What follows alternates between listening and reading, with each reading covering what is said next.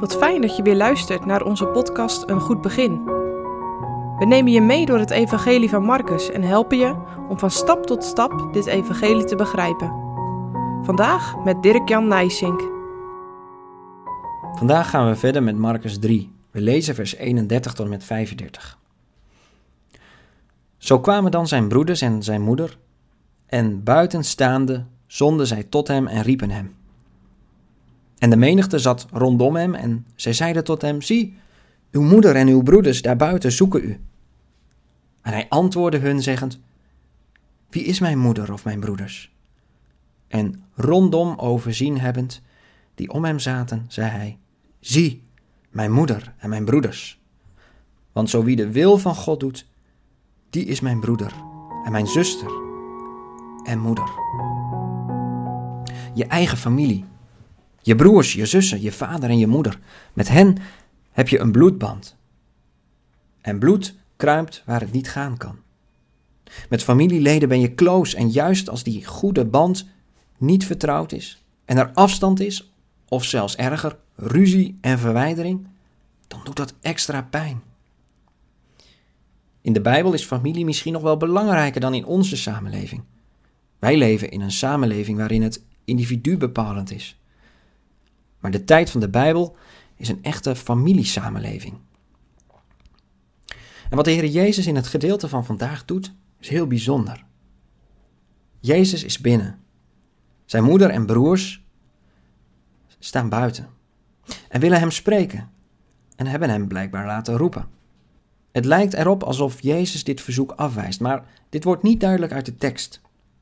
Jezus gebruikt dit verzoek van zijn directe familie om de mensen die bij hem zijn iets te leren. Dat doet Jezus heel vaak.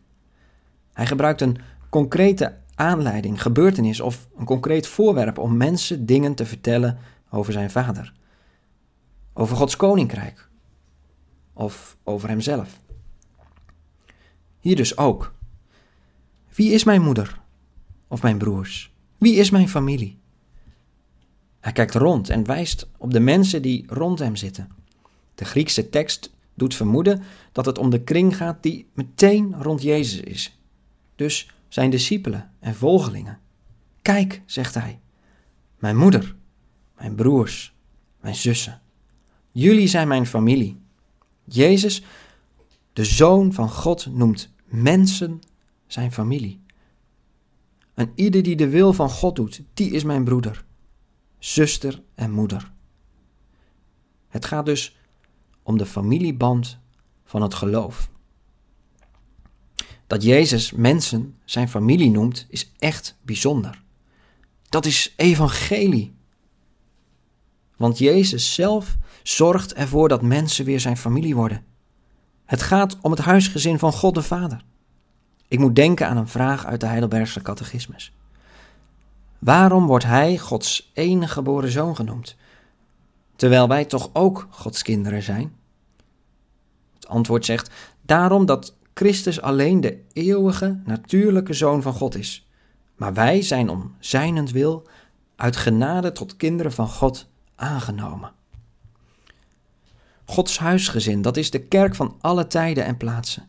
Dat zijn de mensen die door Gods genade, door het geloof, verbonden zijn aan Jezus.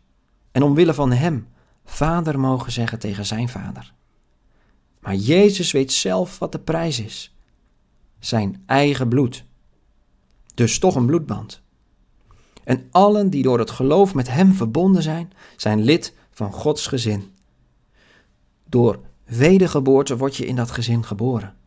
Meer en meer mag je dan door de Heilige Geest leren wat dat betekent. Je leert Jezus kennen en in Hem leer je ook Zijn Vader kennen. En kun jij je een grotere eer voor God de Vader bedenken dan dat mensen hem weer als Vader aanspreken? Ontroerend, vind je niet? Hebreeën zegt daar iets moois over. Want en hij, die heiligt, en zij, die geheiligd worden, zijn allen uiteen. Om welke oorzaak hij zich niet schaamt hen broeders te noemen. Hij schaamt zich niet voor ons. Vandaag eindig ik met een citaat van Augustinus. Hij zegt: Je moet niet denken dat het moeilijk voor je is om kind van God te worden. Omwille van jou is Hij, die de zoon van God was, zoon van mensen geworden.